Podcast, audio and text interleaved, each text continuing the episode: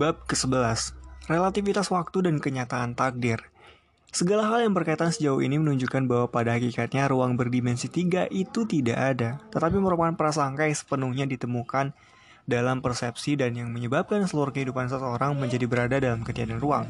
Menyatakan kebalikannya, adanya ruang berdimensi tiga berarti berpegang pada keyakinan tahayul yang jauh terlepas dari akal dan kebenaran ilmiah, karena tidak ada bukti yang sah tentang keberadaan dunia materi berdimensi tiga.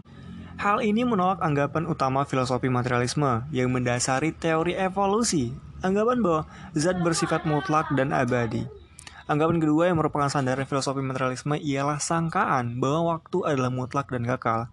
Anggapan ini sama tahayulnya dengan dengan anggapan pertama. Pencerapan waktu sesuatu yang kita cerap sebagai waktu sebenarnya adalah suatu metode pembandingan satu momen dengan yang lain. Kami bisa menjelaskan hal ini dengan contoh. Contohnya, ketika seseorang mengetuk suatu objek, ia mendengar suara tertentu. Ketika ia mengetuk objek yang sama 5 menit kemudian, ia mendengar suara lain. Orang itu mencerap jarak waktu antara suara pertama dan suara kedua dan ia menyebut interval ini waktu. Akan tetapi, pada saat ia mendengar suara kedua, suara pertama yang ia dengar tidak lebih dari imajinasi dalam benaknya. Ini hanya sepotong informasi dalam ingatannya. Orang itu merumuskan konsep waktu dengan membandingkan saat ia hidup dengan yang ia miliki dalam ingatannya. Jika pembandingan ini tidak dibuat, tidak mungkin ada konsep waktu. Demikian pula, orang membuat perbandingan ketika ia melihat seseorang yang sedang memasuki ruang dengan melewati pintu dan duduk di lengan kursi di tengah ruang. Pada waktu orang ini duduk di lengan kursi, kesan yang terkait dengan saat ia membuka pintu, berjalan menuju ruang, dan mengarahkan jalannya ke lengan kursi disusun sebagai potongan-potongan informasi dalam otaknya. Pencerapan waktu terjadi kala seseorang membandingkan orang yang sedang duduk di lengan kursi dengan potongan informasi itu. Pendek kata, Waktu menjadi ada sebagai akibat dari pembandingan yang dibuat antara ilusi-ilusi yang tersimpan di dalam otak. Jika manusia tidak mempunyai ingatan, otaknya tidak akan membuat penafsiran demikian, dan karena itu, tidak akan pernah membentuk konsep waktu. Satu-satunya alasan mengapa seseorang menentukan dirinya sendiri berusia 30 tahun ialah karena ia telah mengumpulkan informasi berkenaan dengan usia 30 tahun dalam benaknya. Jika ingatan, jika ingatannya tidak ada, ia tidak akan berpikir tentang keberadaan waktu terdahulu, dan ia hanya akan mengalami saat tunggal kala ia hidup. Penjelasan ilmiah tentang ketiadaan waktu. Mari kita terangkan pokok bahasan ini dengan mengutip berbagai penjelasan ilmuwan dan cendekiawan. Berkenaan dengan pokok bahasan waktu yang mengalir ke belakang, Francois Yakub profesor genetika peraih Nobel dan intelektual terkenal, menyatakan dalam bukunya Le Jeu des Possibles yang mungkin dan yang nyata. Film yang diputar balik memungkinkan kita untuk membayangkan suatu dunia yang waktunya mengalir ke belakang. Suatu dunia dengan susu yang memisahkan diri sendiri dari kopi dan meloncat keluar dari cangkir untuk mencapai wadah susu. Suatu dunia dengan sinar-sinar terang terpancar dari dinding untuk terkumpul dalam sebuah perangkap pusat gravitasi. Tidak lagi memancar keluar dari sumber cahaya. Sesuatu suatu dunia yang sebuah batu meluncur ke telapak tangan seseorang bersama dengan tetesan air yang tak terhitung yang memungkinkan batu meloncat dari air. Akan tetapi, di dunia sedemikian rupa yang waktunya mempunyai sifat yang bertolak belakang. Proses otak kita dan cara otak kita mengumpulkan informasi juga berjalan ke belakang. Hal ini berlaku untuk masa lalu dan masa mendatang dan dunia akan tampak di depan kita tepat seperti yang baru saja tampak. Karena otak kita terbiasa dengan urutan peristiwa tertentu. Dunia berjalan bukan seperti yang terjadi sebagaimana kejadian di atas dan kita menganggap bahwa waktu selalu mengalir ke depan. Akan tetapi, Hal ini merupakan putusan yang dicapai di dalam otak dan bersifat relatif. Pada kenyataannya, kita tidak pernah bisa mengetahui bagaimana waktu mengalir atau bahkan apakah mengalir atau tidak. Ini merupakan indikasi fakta bahwa waktu bukanlah fakta mutlak, melainkan hanya semacam cerapan. Relativitas waktu adalah wa fakta yang juga teruji oleh salah seorang fisikawan terpenting abad ke-20, yaitu Albert Einstein. Lincoln Barnett penulis dalam menulis dalam bukunya The Universe and Doctors Einstein. Bersama-sama dengan kemutlakan ruang, Einstein membuang konsep kemutlakan waktu mengenai aliran waktu semesta yang tetap. Itu-itu saja, tidak bisa ditawar-tawar yang mengalir dari masa lalu yang tak terbatas ke masa depan yang tak terbatas. Sebagian besar kekaburan yang melingkupi teori relativitas berasal dari keengganan manusia untuk mengakui bahwa rasa waktu seperti rasa warna merupakan bentuk cerapan, tepat seperti ruang yang mungkin hanya tatanan objek materi. Waktu pun mungkin hanya tatanan peristiwa, Subjektivitas waktu itu dijelaskan dengan sebaik-baiknya dengan kata-kata Einstein sendiri. Pengalaman hidup, katanya, tampak pada kita tertata dalam serangkaian peristiwa. Dalam rangkaian ini, peristiwa tunggal yang kita ingat menjadi tampak tertata menurut kriteria terdahulu dan terkini. Karena itu, ada waktu bagi individu, waktu saya, atau waktu subjektif. Dengan sendirinya hal ini tidak bisa terukur. Sesungguhnya, saya bisa mengasosiasikan angka-angka dengan peristiwa-peristiwa dengan cara sedemikian rupa sehingga angka yang lebih besar lebih diasosiasikan dengan dengan peristiwa terkemudian daripada dengan yang terdahulu. Einstein sendiri menunjukkan seperti yang dikutip dalam buku Barnett, ruang dan waktu merupakan bentuk intuisi yang tidak bisa dipisahkan dari kesadaran, lebih daripada yang bisa dipisahkan dari konsep warna, bentuk, atau ukuran. Menurut teori relativitas umum, Waktu tidak mempunyai keberadaan yang bebas, terpisah dari tatanan peristiwa yang dengannya kita mengukurnya. Karena terdiri dari cerapan, waktu tergantung sepenuhnya pada pencerapnya, dan karena itu bersifat relatif. Kecepatan pengaliran waktu berbeda menurut acuan yang kita gunakan untuk mengukurnya, karena tidak ada jam alamiah dalam tubuh manusia untuk menunjukkan dengan tepat seberapa cepat waktu melintas. Seperti tulisan Lincoln Barnett, tepat seperti hal-hal semacam warna yang tidak ada tanpa pencerapan oleh mata seketika atau sejam atau sehari pun tidak ada tanpa penandaan oleh peristiwa. Relativitas waktu dialami dengan jelas dalam mimpi. Meskipun yang kita lihat dalam mimpi tampaknya berlangsung selama berjam-jam, itu sebenarnya karena berlangsung selama beberapa menit dan bahkan beberapa detik.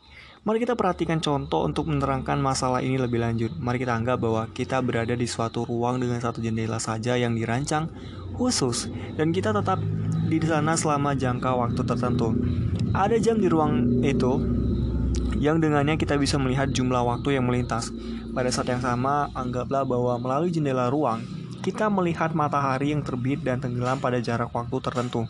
Beberapa hari kemudian, jawaban yang akan kita berikan atas pertanyaan tentang jumlah waktu yang kita habiskan di kamar itu akan berdasarkan baik pada informasi yang telah kita kumpulkan dengan melihat jam dari waktu ke waktu lainnya maupun dengan hitungan yang kita buat dengan menunjukkan berapa kali matahari terbit dan tenggelam.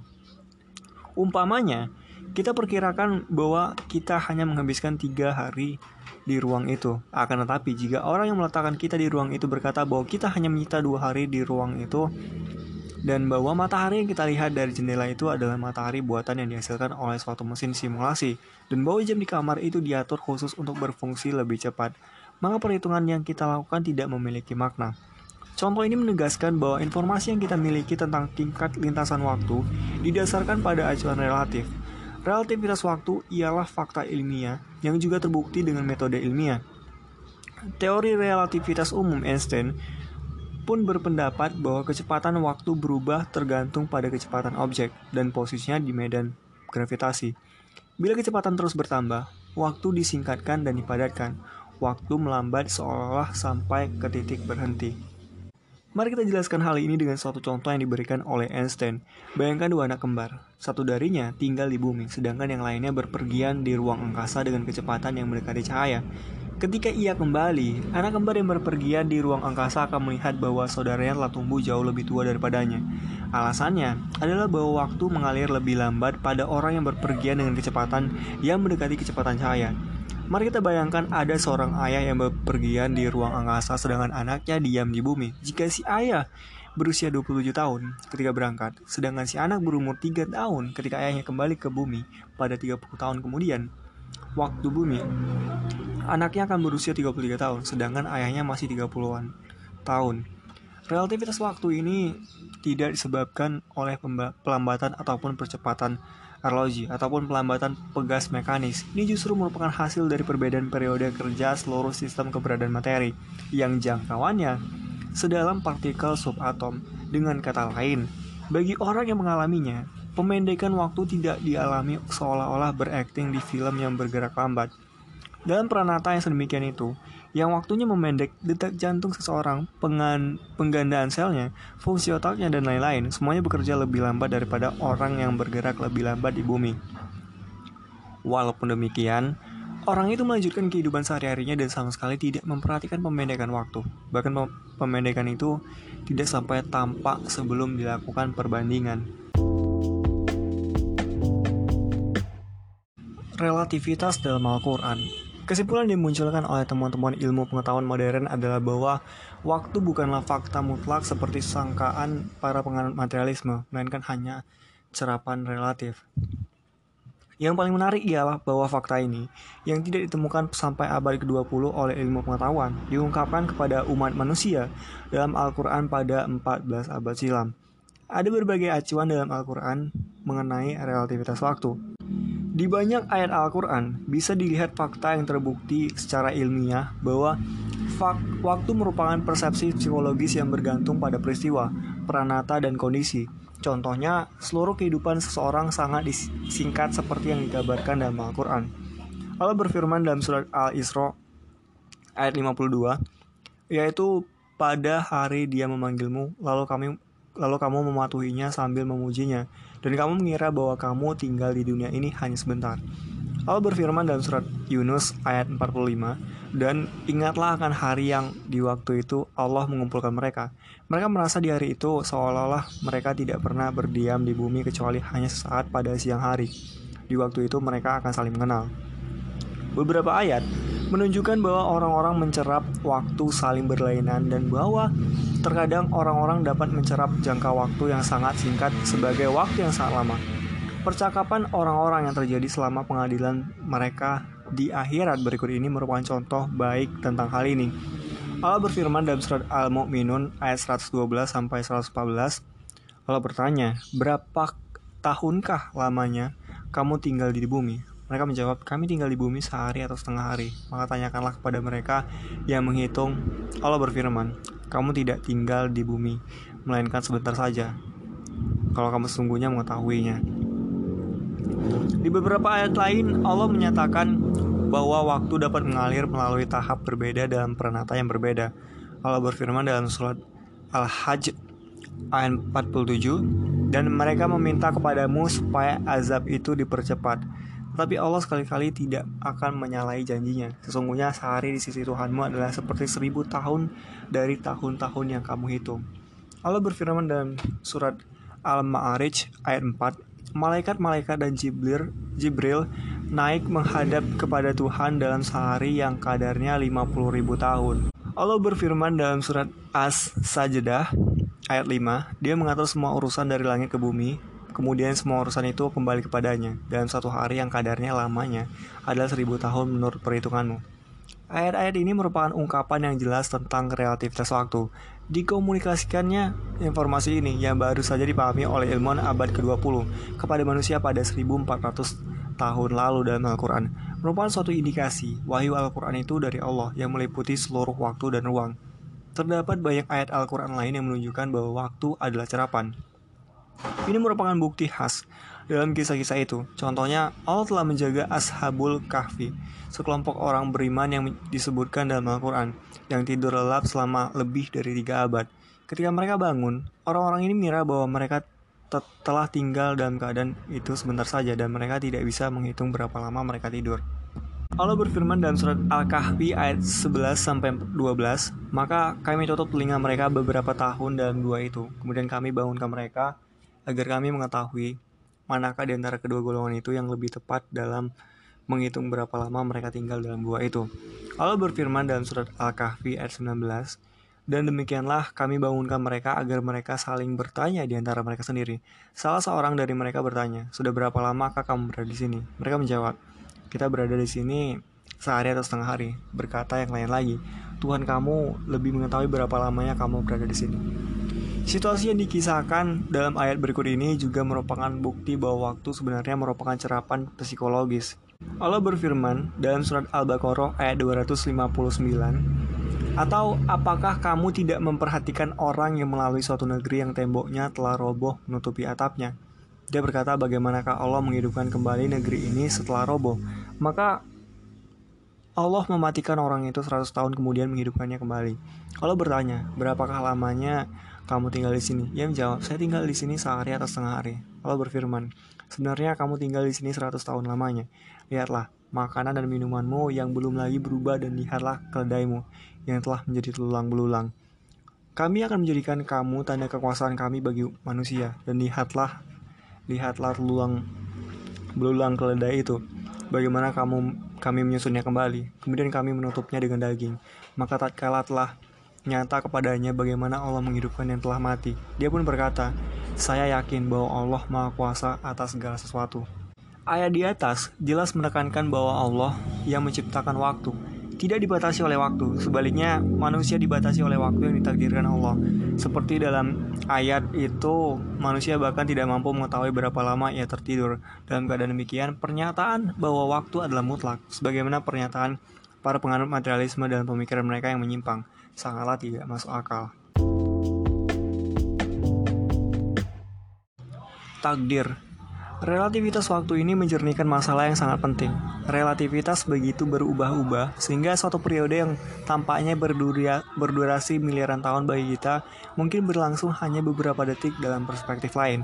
Lagi pula, suatu periode waktu yang sangat lama yang membentang dari permulaan dunia sampai akhir dunia mungkin tidak berlangsung walau sedetik saja di dimensi lain. Inilah intisari konsep takdir, suatu konsep yang tidak dipahami dengan baik oleh kebanyakan orang khususnya para materialis yang sepenuhnya menolak konsep ini. Takdir ialah pengetahuan Allah yang sempurna tentang semua peristiwa masa lalu ataupun masa datang. Kebanyakan orang mempertanyakan bagaimana Allah telah, telah mengetahui peristiwa-peristiwa yang belum dialami dan menyebabkan mereka gagal dalam memahami keotentikan takdir. Bagaimanapun, peristiwa yang belum dialami hanya demikian bagi kita. Allah tidak dibatasi oleh waktu ataupun ruang karena dia sendiri yang menciptakannya. Karena alasan ini, masa lalu, masa datang, dan masa sekarang semuanya sama bagi Allah. Baginya segala sesuatu telah terjadi dan berakhir. Dalam bukunya The Universe and Dr. Einstein, Lincoln Barnett menerangkan bagaimana teori relativitas umum sampai pada kesimpulan ini. Menurut Barnett, alam semesta dapat tercakup dengan seluruh kemegahannya hanya oleh intelek kosmik. Kehendak yang oleh Barnett disebut intelek kosmik merupakan kebijaksanaan dan pengetahuan Allah yang berlaku bagi segenap alam. Sama sebagaimana kita dapat dengan mudah melihat pangkal, tengah, dan ujung penggaris, dan semua satuan di antara pangkal ujung sebagai satu keutuhan. Allah mengetahui waktu yang kita patuhi seolah-olah merupakan satu peristiwa mulai dari awal hingga akhir. Akan tapi, manusia mengalami peristiwa hanya ketika waktu mereka sampai dan mereka menyaksikan takdir yang telah Allah ciptakan bagi mereka. Perlu pula diperhatikan dangkalnya pemahaman yang menyimpang mengenai takdir yang berlaku di masyarakat kita. Keyakinan menyimpang tentang takdir ini merupakan suatu tahayul bahwa Allah telah menentukan takdir bagi setiap manusia. Tetapi takdir-takdir ini terkadang bisa diubah oleh manusia. Contohnya, orang memberikan pernyataan semu tentang seorang pasien yang kembali dari pintu kematian seperti ia mengalahkan takdirnya. Tidak ada seorang pun yang dapat mengubah takdir. Orang yang kembali dari pintu kematian sesungguhnya tidak meninggal karena ia tidak ditakdirkan untuk meninggal pada saat itu. Ironisnya, inilah takdir orang-orang itu yang membohongi diri mereka sendiri dengan mengatakan, saya mengalahkan takdir saya, bahwa mereka mengatakan demikian dan tetap berpola pikir demikian. Takdir adalah pengetahuan yang abadi dari Allah dan bagi Allah. Yang mengetahui waktu seperti satu kejadian saja dan yang berlaku atas seluruh waktu dan ruang. Segala sesuatu ditentukan dan diakhiri dalam takdir. Kita juga memahami dari sesuatu yang Allah hubungkan dalam Al-Quran bahwa waktu itu satu bagi Allah. Banyak kejadian yang dalam pandangan kita akan tersisa terjadi di masa datang dikaitkan dalam Al-Quran dengan cara sedemikian seolah-olah kejadian-kejadian itu telah berlangsung jauh-jauh sebelumnya. Contohnya ayat-ayat yang, memberikan catatan bahwa manusia dapat menyerahkan diri kepada Allah di akhirat dihubungkan sebagai peristiwa-peristiwa yang telah terjadi lama sekali.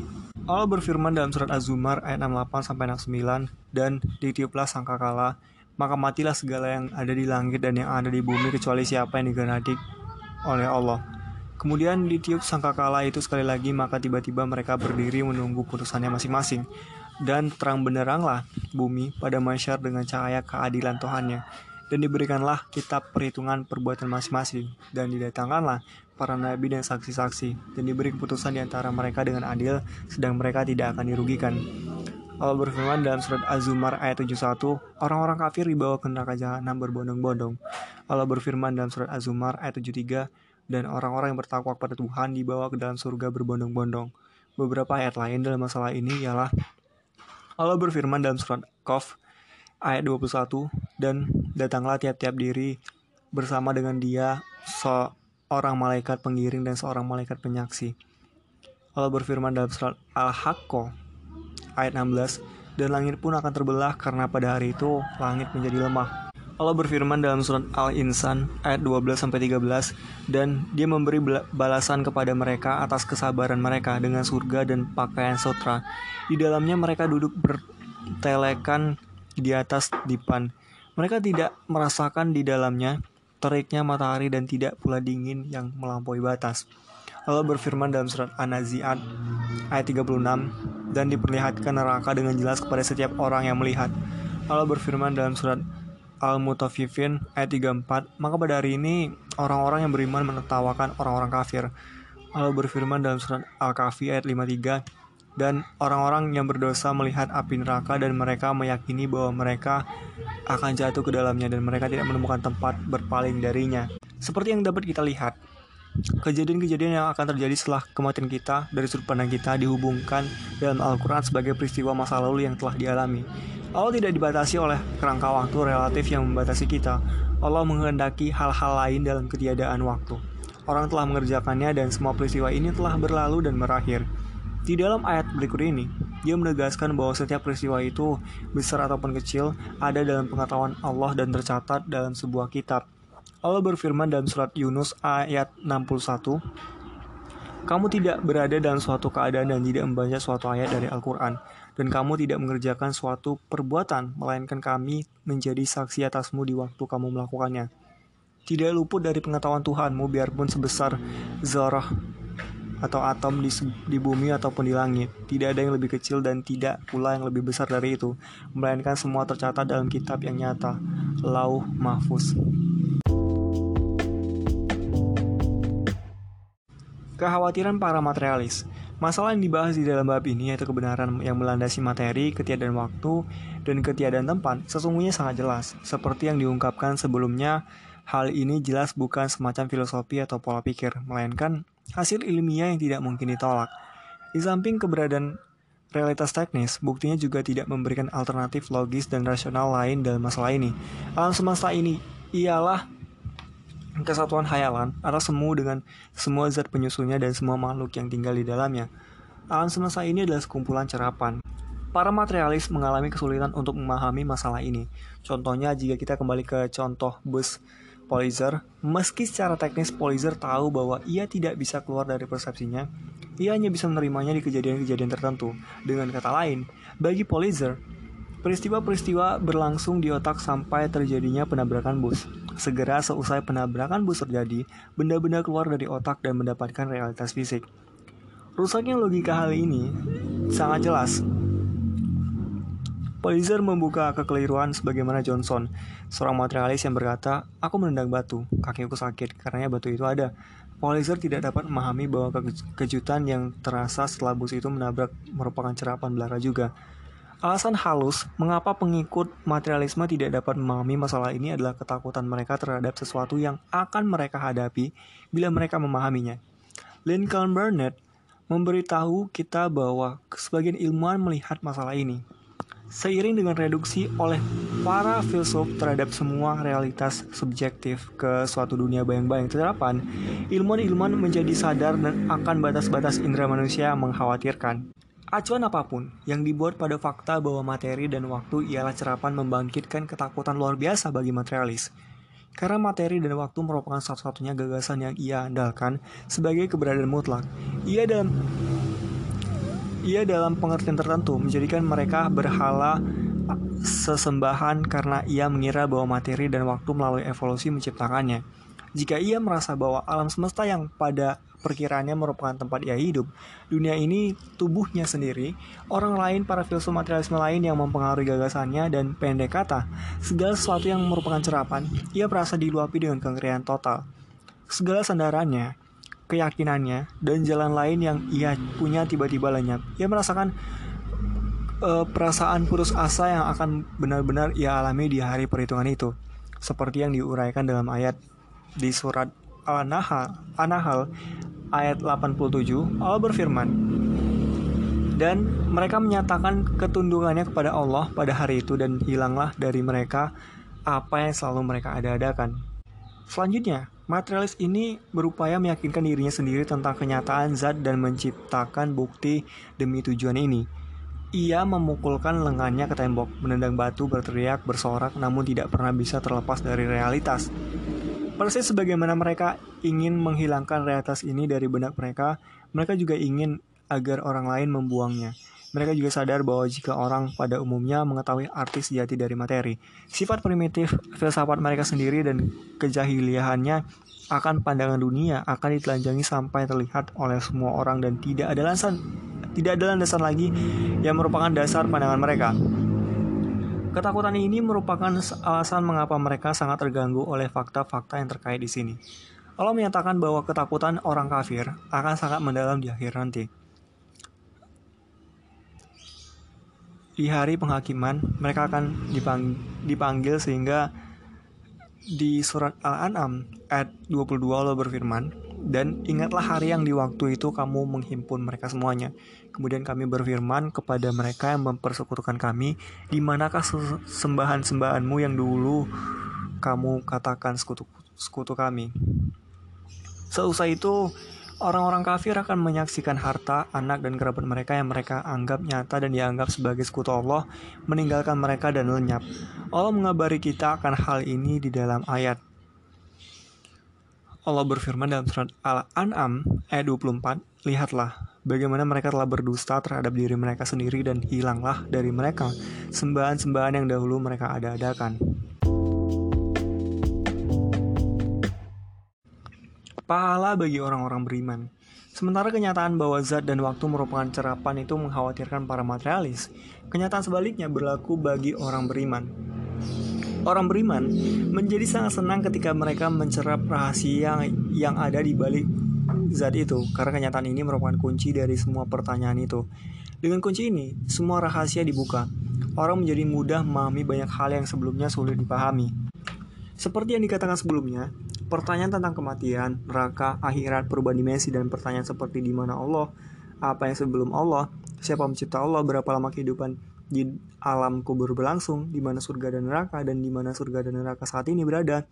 Mudah dijawab. Akan terpahami jenis tatanan seluruh alam yang diciptakan oleh Allah dari ketiadaan, semakin banyak, semakin begitu. Dengan rahasia ini, pertanyaan kapan dan di mana menjadi tidak berarti, karena tidak ada lagi waktu dan tempat.